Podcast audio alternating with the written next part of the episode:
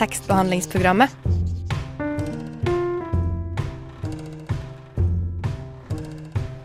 Tekstbehandling på radio.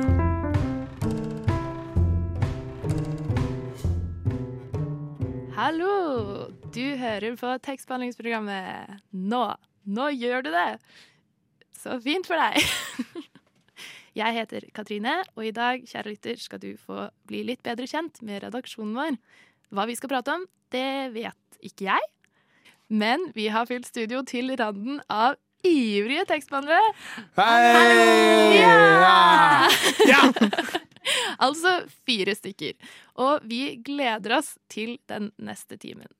Det er tid for eh, hva vi enn så lenge har valgt å kalle Redaksjonens røre. Men først skal vi høre en låt, og dette er Siri?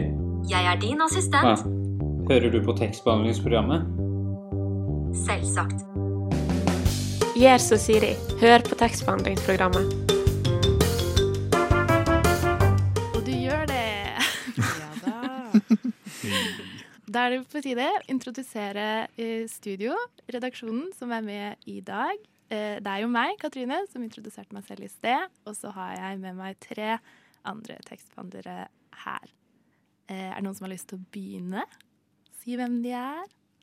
Jeg kan begynne, for jeg har ikke vært her på en stund. Uh, en, en ny, gammel stemme! Yeah. Første gang i studio. Det er veldig bra å være her. eh, I fjerde etasje på Chateau Neuf. Det er spennende. Jeg heter Julia, og jeg har vært litt med tidligere. Og nå er jeg tilbake for fullt. Velkommen tilbake. Takk. Og så har vi eh, Alle ser på meg, så da er det vel eh, min tur. Eh, Hei, det er Arthur. Hei igjen. Hyggelig å være her. Gleder meg til sending. Det blir, eh, det blir helt supert. Ja, og så er det Maren, Ja! eh, som er klar for en liten røre. Jeg føler vi har starta godt med en eh, god røre allerede. Det blir gode pannekaker. Eggerøre, kanskje? Ja, det, Ja takk. det hadde vært litt digg nå, egentlig. Ja, så sendingen kommer til å bli sånn at eh, hver av dere har jo tatt med dere eh, en, en, et tema, en ting, en bok, en forfatter, noe dere har lyst til å dele med eh, resten av, eh, av studioet her i dag, og også med lytterne våre. Eh, og det blir veldig spennende å finne ut hva vi skal prate om, og eh, forhåpentligvis lære noe nytt. Jeg håper jeg. Før vi begynner med det, er det noen som har eh, noe annet gøy å dele? Jeg har tenkt på én ting. Eh, ikke at det er så veldig gøy, men jeg har en irritasjon. Eh, det nærmer seg norsk eh, grammatikkeksamen for min del. Det er den, ja. Det har de på journalistikkstudiet på Høgskolen i Kristiania. eh, det skulle flere journalistikkskoler hatt, tror jeg. Eh, den siste uka så har jeg sett så mye skrivefeil, og særlig sånn særskrivingsfeil. Altså de ord blir delt opp som skal stå sammen, av eh, folk som er ja, 30 år, er journalister, eh, og er på å skrive på Instagram eller et eller annet, og det er helt Jeg, jeg får mark. Og, ja, og i lederartikler i store norske aviser så har de de-dem-feil. Det Går ikke an. Det går ikke an. Ser du mange kommafeil, da? Ja. Det, det òg. Men det, er sånn det vet jeg, det er det mye feil om. Men de dem Nei. Ja, det blir for dumt. Det, det blir for dumt. Fint å begynne sendingen med litt sånn uh, irritasjon. Bare få det ut, sånn at uh, vi kan uh, Ja, nå er vi ferdig med det. Ferdig med det. Ferdig med det. Vi skal ta en låt til før eh, Maren skal dele med oss hva det er hun eh, har å dele med oss. Jeg heter Aune, og du må høre på tekstbehandlingsprogrammet. Fordi kunnskap og viten, det er det mest vidunderlige på denne jorden. Du hører på tekstbehandlingsrommet, og nå skal du få høre hva Maren har med til oss i studio i dag. Ja, OK.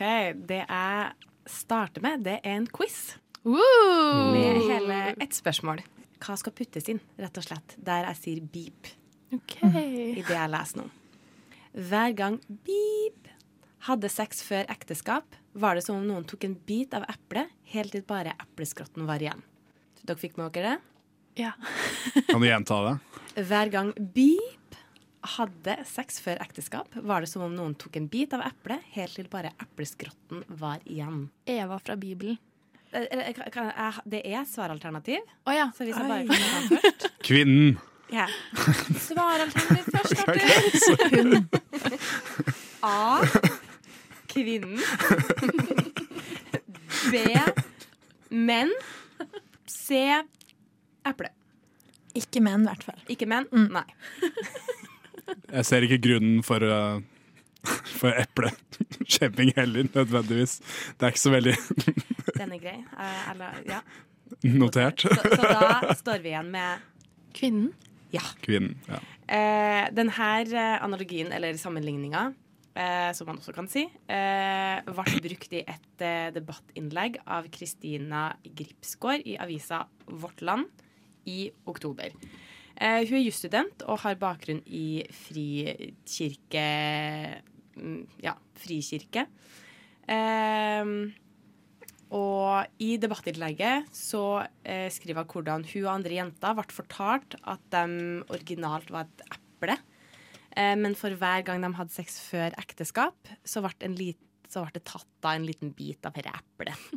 Eh, på den måten så kunne man ende opp som da en epleskrott, og man vil jo ikke gi eh, sin ektemann en epleskrott. Og jeg tenkte ikke at vi skulle gå inn på akkurat det religiøse debattemaet her.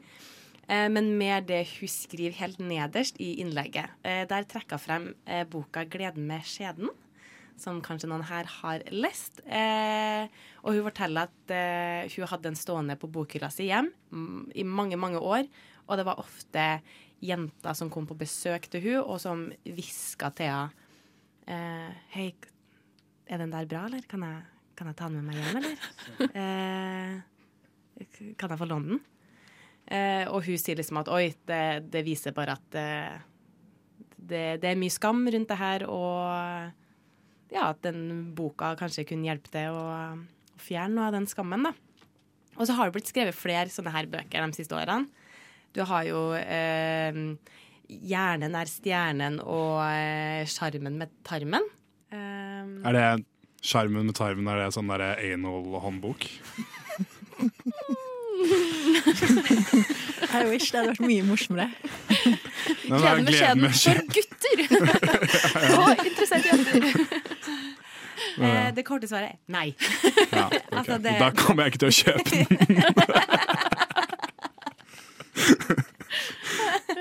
Eh, så det jeg da egentlig lurer på, det er eh, Tenker dere at sånne her eh, informative bøker, om de er ja, litt sånn medisinsk eller eh, skjønnlitterær, er de egentlig til hjelp?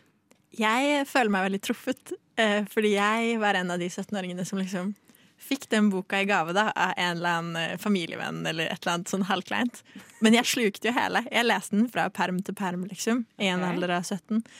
Og selv om, selv om man tenker at man vet mye og har mye informasjon tilgjengelig nå, så er det overraskende hvor mye om seksualitet generelt, men kanskje også særlig kvinners seksualitet, da, som, som ikke snakkes om, og som er eh, skambelagt, uavhengig om du er eh, religiøs eller ikke, tenker jeg.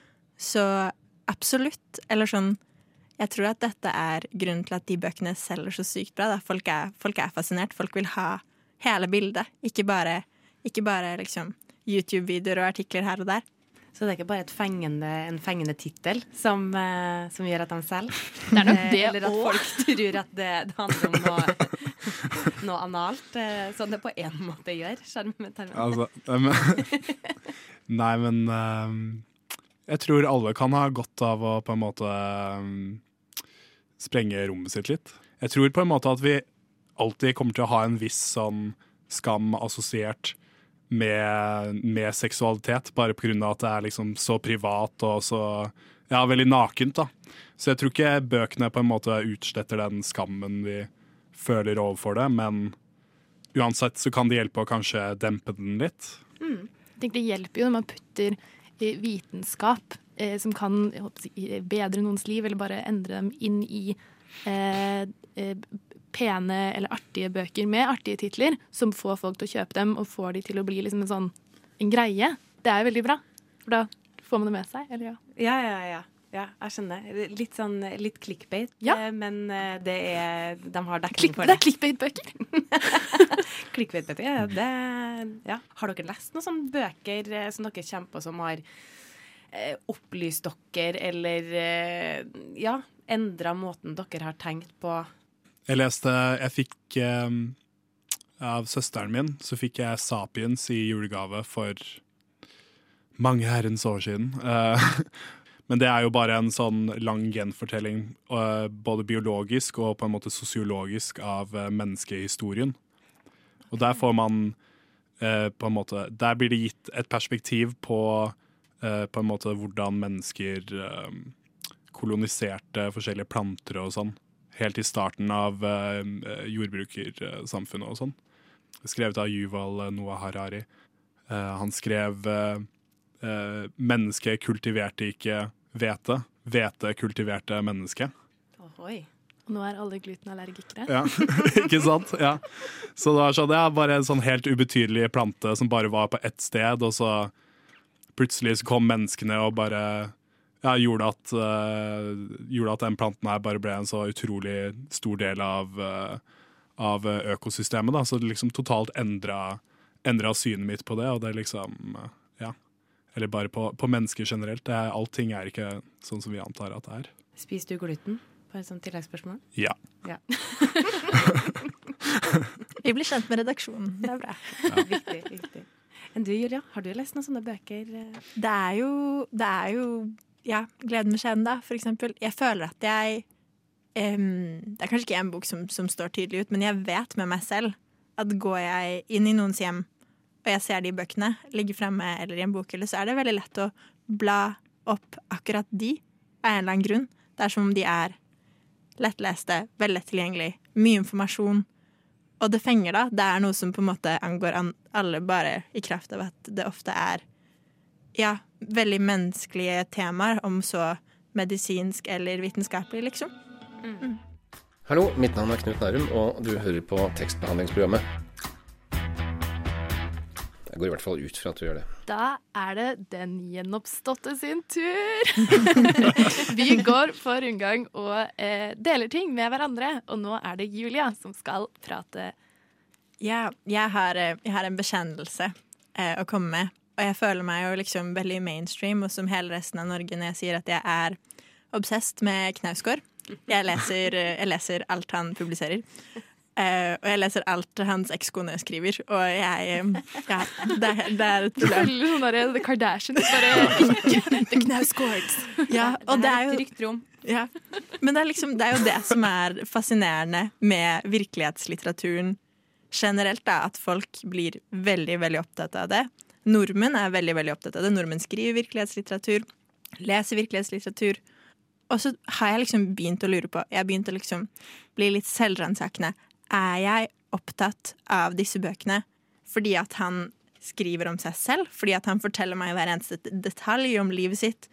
Og fordi han går så utrolig inn i liksom eh, det private, det personlige, det veldig, veldig ydmykende og, og liksom spesielle? Eller er det noe litterært der, liksom? Er det noe stilmessig som er spesielt? Og jeg vil bare liksom høre hva, hva er deres forhold til virkelighetslitteratur, eventuelt fordommer mot denne typen obsession? Jeg skriver jo selv, og å skrive virkelighetsnært, det må jo være veldig eh, Nå tenker jeg litt sånn mer ut fra perspektiv til, eh, til Knausgård selv. Det må jo være veldig sånn eh, meditativt for han å gjøre det. Selv om jeg har hørt at han på en måte framstiller det på en litt annen måte, kanskje. Eh, men virkelighetslitteratur, altså eh, Vi er jo kanskje veldig interesserte i, de tingene vi føler vi kanskje egentlig ikke skal eh, lese.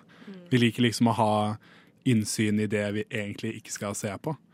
Og da er det jo veldig spesielt med en forfatter som Knausgård, som på en måte bare åpner opp eh, skapet sitt og bare driver ut alle skjelettene, så at eh, alle kan se. Eller jeg føler på en måte at all litteratur er eh, virkelighetslitteratur på en måte også. fordi man bare ser, ser en del.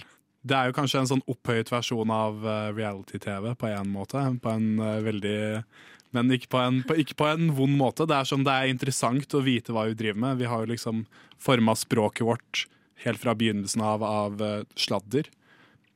Jeg tenker jo, Du ville jo ikke lest Du ville ikke fortsatt å lese det om det var skrevet skikkelig skikkelig, skikkelig, skikkelig dårlig. Om du har lest en bok som er skrevet veldig dårlig. Uansett om du gir deg innhold i det jeg sier det, så må jeg ta meg i det. Fordi jeg har jo lest blogger som er skrevet veldig dårlig. Men da har jeg valgt å fortsette å følge med på bloggen. I det jeg sier det, så Men er det ikke innholdet, da? At det er jo et uh, unikt uh, innhold, som Arthur sier at det, det er ting man kanskje egentlig ikke skal ha innsyn i, men man får det. Jo litt sånn som bloggene òg, der de uh, deler alt, og kanskje litt for mye eh, til tider. Ja. Og at innholdet veier opp, eh, da er det i så fall for bloggene, da, eh, veier opp for eh, at det er skrevet dårlig. Mens Knausgård eh, forhåpentligvis har begge. Jeg vil jo definitivt si at han har begge. Og han, eh, han som kontekst, han, han får jo veldig mye ros for en veldig, veldig særegen skrivestil, hvor han klarer å skildre veldig små ting. Veldig sånn hverdagslige detaljer. Som for eksempel veldig mye tid i Min Kamp-bøkene eh, brukes på å forklare hvordan han drikker kaffe fra en termos på verandaen om morgenen og røyker sin første morgenrøyk. Og hvorfor det er så utrolig suggererende, og hvorfor jeg har så utrolig lyst til å bli i det øyeblikket, handler jo om skrivestilen, tror jeg. Det er jo en helt, helt vanlig ting. Men i Min Kamp-prosjektet, da, så, så sier han fra begynnelsen av at prosjektet hans er å skrive virkeligheten og å komme så nære sannheten om sitt eget liv da, som mulig. Og hva, hva tenker dere om, om det prosjektet i det hele tatt? Eh, nei, jeg sa jo i stad at det var litt sånn opphøyd reality på en måte. Men sånn, altså Vi har snakka om bloggere og, og sånn. Er, jeg føler at det som er litt av clouet, da, er at prøver å glamorisere virkeligheten. Gjøre virkeligheten uekte, men fortsatt framstå som ekte. Mens god virkelighetslitteratur virkelig sier hvordan ting, ting er. Virkelig beskriver det øyeblikket, da. Altså alle nyansene i totalt banale ting. Ja, jeg er enig. Det er som om helt eh, banale ting blir, blir vesentlig. Og som om man må, må være følsom, forbli følsom overfor for noen andres verden, da. Jeg tenker Det er jo en av styrkene med litteratur bare generelt, uansett om det er virkelighetslitteratur eller bare det noe skikkelig absurd. at eh, nettopp i at det er skrevet og du leser det inn i hodet, så bare det, Ja. Men eh, Knausgård, har ikke han kommet med en ny bok nå? Jo, han har det, eh, men den kan jeg faktisk ikke lese hvis jeg har lyst til å stå på eksamen. Um, så jeg har ikke kjøpt den. Men jeg blir jo veldig fristet, liksom. Særlig hver gang jeg går um, oppover Universitetsgata, fordi Nordli har hengt ut sånne svære portretter av han i vinduene. Istedenfor å liksom ha coveret eller tittelen eller noe, så føler jeg at han Det plutselig er bilder av han overalt. Som en slags sånn han er, han er blitt en greie, en kjendis, og det kan jo det kan jo tyde på at kanskje, kanskje det egentlig er han det, han det handler om hele tiden. Hvem vet? Hva tenker dere om det? det er akkurat det bloggerne gjør òg. Men har ikke han Jeg tenker Han har jo gitt ut ganske mye bøker, men har ikke ansiktet hans vært opp og fram da òg? Jeg tror ikke på samme måte, fordi han er liksom så sky for folk og eh, ikke liker seg selv og helst ikke vil lese egne anmeldelser eller bryr seg ikke om hva han selger. Og... Men tror dere det stemmer, eller er det troverdig for dere? Tror det bare er ljug. Det For stemmer hva jeg har lest om hva han har skrevet, han bryr seg jo. Jeg føler, hvis, man, hvis man totalt har mistet all bry, så hadde man ikke skrevet noe in the first place. Liksom. Da har man et behov for å få det ut. Eller at du kanskje skriver det og aldri gir det ut? Kanskje han bare har blitt mer komfortabel med seg selv. Og har lyst til at det er greit at han er merkevaren. Kanskje bare folk sånn assosierer sånn ah, Nå får de et bilde på det de har lest. Nå får de bare det bildet mata inn, liksom. Her, her er han. Og nå liksom bruker det som et sånn markedstriks for å liksom skape oppmerksomhet eh, eh, rundt boka. Ja, Men det er jo morsomt eh, når eh, denne boka faktisk ikke handler om han, da. Nå er, det, nå er det fiksjon. Den heter 'Ulvene fra evighetens skog', da, som handler om de store temaene. Så det, det blir spennende å lese Fantastisk. i desember. P-R-O-G-A-M Tekstbehandlingsprogrammet. T-E-K-S-T. Arthur, hva har du med til oss? Jeg har tatt med favorittessayet mitt, eller liksom favorittteksten min noensinne. Oi. Eh, um, av en eh, død hvit mann, som vi snakka om eh, i, i um, feministisk litteratursendinga. Uh, det er 'Self-Reliance' av uh, Ralph Waldo Emerson. Og det er en tekst uh, fra midten av 1800-tallet, og tittelen indikerer jo innholdet i, eh, i teksten ganske greit. Altså self- self-reliance. Um, gammel selvhjelpslitteratur. Det er liksom ikke kanskje den eh, litteraturen som er mest, mest i vinden i dag, eller kanskje ja, selvhjelpslitteratur. Det er ganske Selvhjelpslitteratur er jo i vinden. Ja, Ja. det er jo egentlig det. Men fra 1800-tallet Ja, nei, det er liksom ikke Kanskje det ikke er så Bibelen som var litt populær på den tida. Ja. Funker det i dag? Den selvhjelpslitteraturen? Ja. Det er jo min favorittekst. Så eh, ja. I det store bildet, om det har funka for meg enda, det vet jeg ikke helt. Men eh, i hvert fall eh, som, eh, ja, som inspirerende og som betryggende og som eh, vakker på en gang, så er den absolutt Vil du fortelle oss litt om teksten? det vil jeg. Altså, det er en eh, 30 sider lang eh, tekst. eh, og eh, Emerson skriver jo om å stole på seg selv. eh, om å stole på intuisjonen sin. Det han, måten han går frem på det her, er at han skaper metaforer til, eh, til det amerikanske samfunnet. Han skrev det her på 1800-tallet, da USA på en måte prøvd å utvikle sin egen identitet. Så han bygger det veld, liksom han eh, retter det veldig opp mot det. Men det jeg har trukket mest ut fra den, er jo hvordan en selv på en måte kan finne trygghet i den, og trygghet i seg selv er jo hovedtemaet, da. Så han skriver eh, Trust thyself, every heart vibrates to that iron string. Eh, veldig poetisk og pent. Eh, og det jeg på en måte har lyst til å spørre dere om, om uh, den teksten her, føler dere at vi fortsatt trenger selvhjelpslitteratur? Er det, er det nyttig? Er det, er det interessant å lese? Hva syns dere? Særlig i den formen der, så tenker jeg jo at det er utrolig nyttig og meningsfullt, fordi Nummer én fordi det er komprimert til 30 sider, og ikke sånn 100 sider som er en satt oppskrift, men en slags refleksjon. Essay er jo en fantastisk form fordi, fordi det reflekterer, fordi det tar deg med på en reise.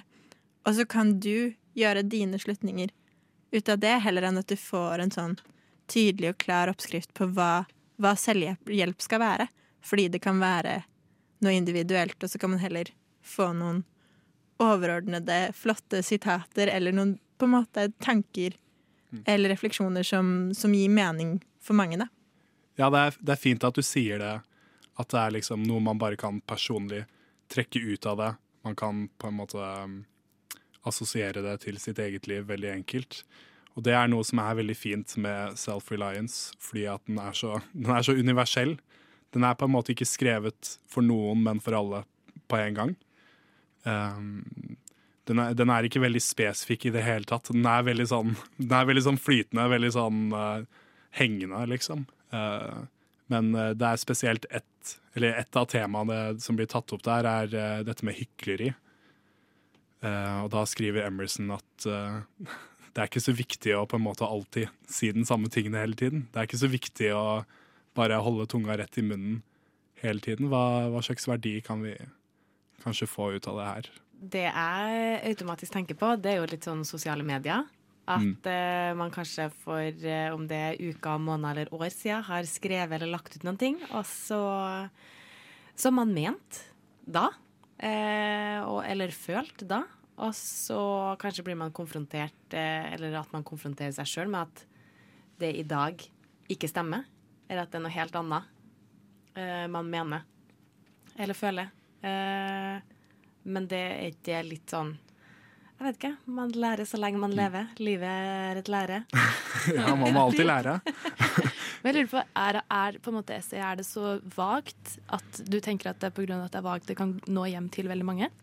Uh, ja, det er jo på Jo vagere det er, jo mer plass er det jo til en selv. Ja, det er liksom uh, det, er, det er vagt på en skarp måte. veldig, veldig sånn uh, Han gir ikke sånne klare instruksjoner på hvordan man, du skal gå ja, Hvordan skal du snakke til den Eller jo, han sier hvordan du skal snakke. Tro på deg selv. Stol på din egen intuisjon. Men ikke det, Han eh, på en måte prøver ikke å fortelle deg hva din intuisjon burde innebære, på en måte. Han, han snakker ikke noe om å, sånn her er en god intuisjon. Intuisjon er bare intuisjon, og det, eh, det du snakka om også, Maren, det der med at man på en måte eh, tar opp én tweet, for eksempel, da, fra ti år siden eller noe.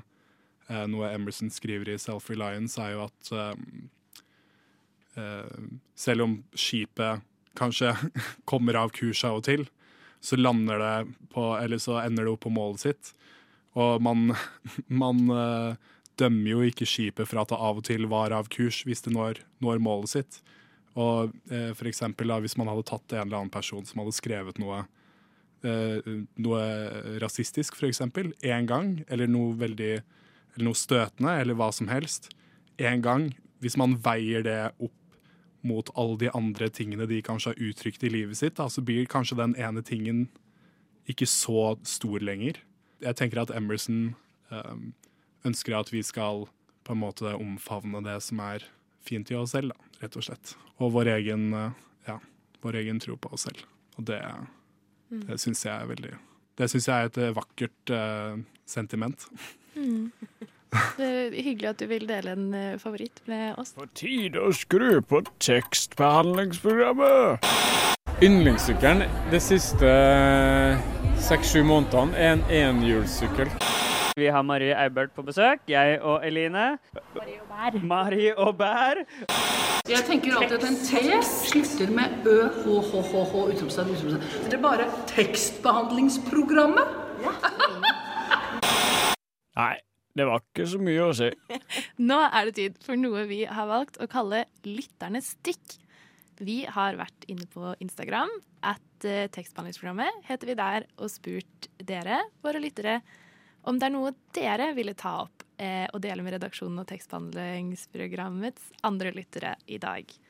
Noe dere mener ikke snakkes nok om i media, eller eh, en helt vilt eh, god bok. Kanskje favorittessayet ditt? Eller noe i litteraturen som dere ikke forstår greia med, eller syns er veldig artig. Ja. Vi eh, takker for alle bidrag, så nå skal vi prate om slam.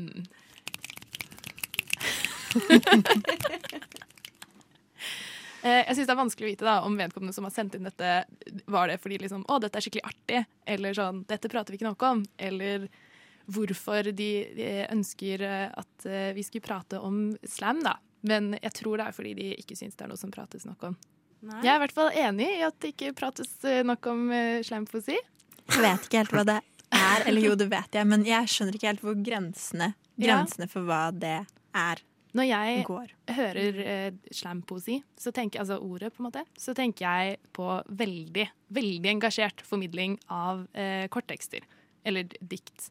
Eh, men poesislam per liksom, definisjon er jo en konkurranse. Eh, hvor man applauderer, og noen eh, Jeg vet ikke om det faktisk blir kåret en vinner. Jeg har aldri vært på konkurranse, Det- men jeg har sett spoken word. Det blir kåret vinnere. Ja, Arthur, du er jo poet. Eh, hva, Ja, har du prøvd eh, å slamme noen gang? Eh, det er akkurat det. Jeg vet liksom ikke. For at jeg har stått på scenen og lest opp uh, poesien min. eh, Veldig, veldig engasjert. Veldig engasjert og veldig sånn uh, Kom igjen, liksom. Nå må dere faen meg få med dere hva jeg har å uttrykke her. Men jeg vet ikke om jeg Jeg har aldri vært i en sånn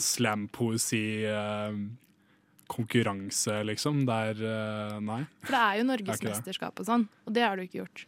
Men du har uh, slammed on stage. Jeg har slamma. Jeg slamma litt. Definitivt. Maren, hva er ditt uh, forhold til slampoesi? Eh, jeg tror i hvert fall det Når jeg tenker på slampoesi eh, Det første som liksom dukka opp da, det var eh, fra Joe Biden sin presidentseremoni. Eh, og et av innslagene der var jo da 22 år gamle Amanda Gorman, som da framførte et dikt kalt 'The Hill We Climb'. Og jeg ble veldig fanga. Jeg husker at jeg bare satt og ja, fulgte med eh, hvert eneste ord hun sa. Det var ekstremt engasjerende, og det var liksom Jeg vet ikke, jeg syns det var så kult eh, at hun var eh, mørk, hun var kvinne, ung, og sto der. Og bare den flyten hun hadde når hun sa alt, det var bare helt sånn Det måtte ha vært så mye jobb, tenkte jeg. Å få alt til å gli og på den måten eh, det gjorde, da. Ja, det, var ikke, det var ikke Joe Biden som drev og fremførte slampoesi, altså? Det var det ikke. Det, det, det Heldigvis, tenker jeg. uh, uh, uh, people Han har ikke hørt om diksjon. Han, nei. Nei. Nei.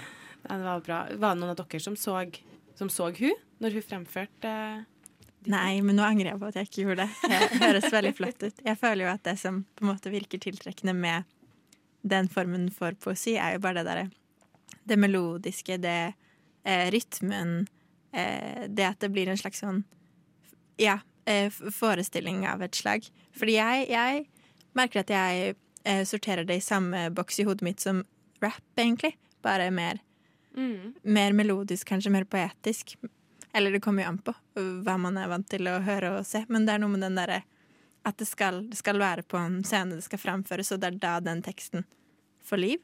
Mm, og at det også er mye følelser. Jeg tenker Det er, det er, det er noe helt annet da, å lese eh, det diktet og få det presentert som, som slam.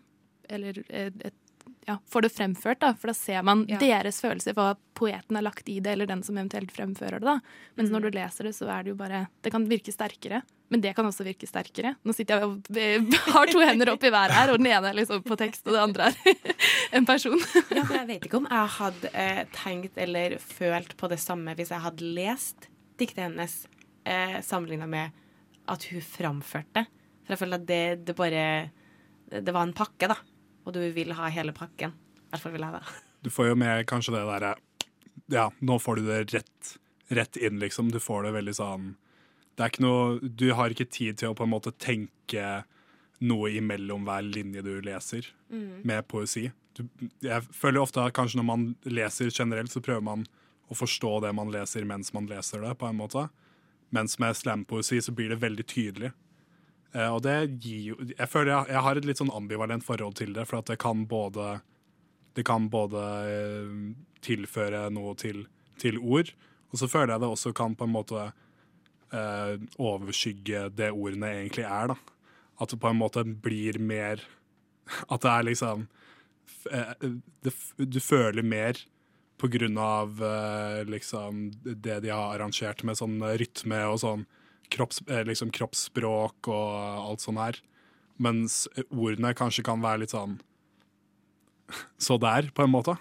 Det er kanskje forskjell på om det er skrevet for å, for å være framført, eller skrevet som ja, noe som man også Ja. kan lese, på en måte, men det er egentlig på, på papiret. Ja. Skal vi avslutte med en sånn eh, slampoesi yay or nay? Er det, altså, vi har jo ikke så mye annet å komme med. Jeg sier big yay. Følg eh, Button Poetry på YouTube om du vil eh, ha eh, slampoesi i, Åh. i feeden din. Jeg, jeg trodde du skulle si sånn Skal vi avslutte med en slampoesi-konkurranse? Ja. Og så tenkte jeg sånn Nei. Jeg var inne på tanken. Men yay or nay? Jeg sier yay. Arthur? Eh, n- nei. Hva med deg, Julie? Er det lov å si liksom ah, Eller sånn ja. Du kan lage hvilken som helst lyd du vil. Jeg føler at det er Yet to see noe som Amanda Gorman, liksom. Det er det jeg venter på. Da blir jeg sikkert overbevist. Men uh, enn så lenge, så mm. Har du sett mye halvveis uh, slam, er det det? Jeg forbinder det liksom med mine dager på Tumblr i 2014. eh, dessverre. Jeg tror det er det mange gjør. Jeg tror kanskje det er derfor folk ikke vil prate om det. Jeg vet ikke. det kan Hvis du går hjem med noen og de ikke har bøker, ikke knull dem. Hilsen tekstbehandlingsprogrammet.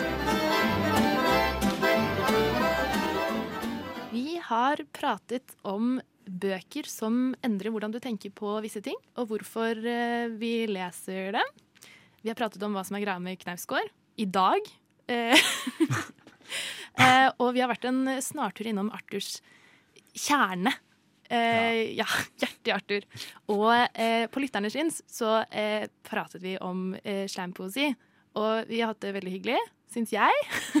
Mhm. Og jeg setter veldig pris på at dere ville dele, dele ting med oss. Skal vi avrunde med litt eh, slam? Ja. Arthur? Stage is yours. Vær helt ærlig. Fortell meg det du egentlig føler. Kom igjen. Vi roper det i kor. Jeg har ikke den fjerneste anelse av hva faen jeg driver med. Det ble Hva sier du, Julie? Er det yay? Det er veldig yay. Det er, det er flott. Hey. Det er bra. Tusen takk for at uh, du ville høre på. Uh, og lykke til med eksamen til alle som har det. Julia, lykke til med å ikke lese Knausgård enn så lenge. uh, neste uke er vi tilbake, og da skal vi faktisk snakke om eksamen eller akademisk skriving, og får en akademiker og skjønnlitterær debutant som gjest i studio. Samme person, altså. hvor kan man høre oss igjen, Maren? Du kan høre oss blant annet på DAB. Da er vi på onsdager 10 til 11, og hvor som helst du hører podkast. Når du vil. Når du vil. Ja. I studio var Julia Beso, Arthur Henriksen og Maren Mjelstad. Og meg, Katrine Mosvold. Takk for nå. Takk for oss. Morna. Ha det bra. Ha det.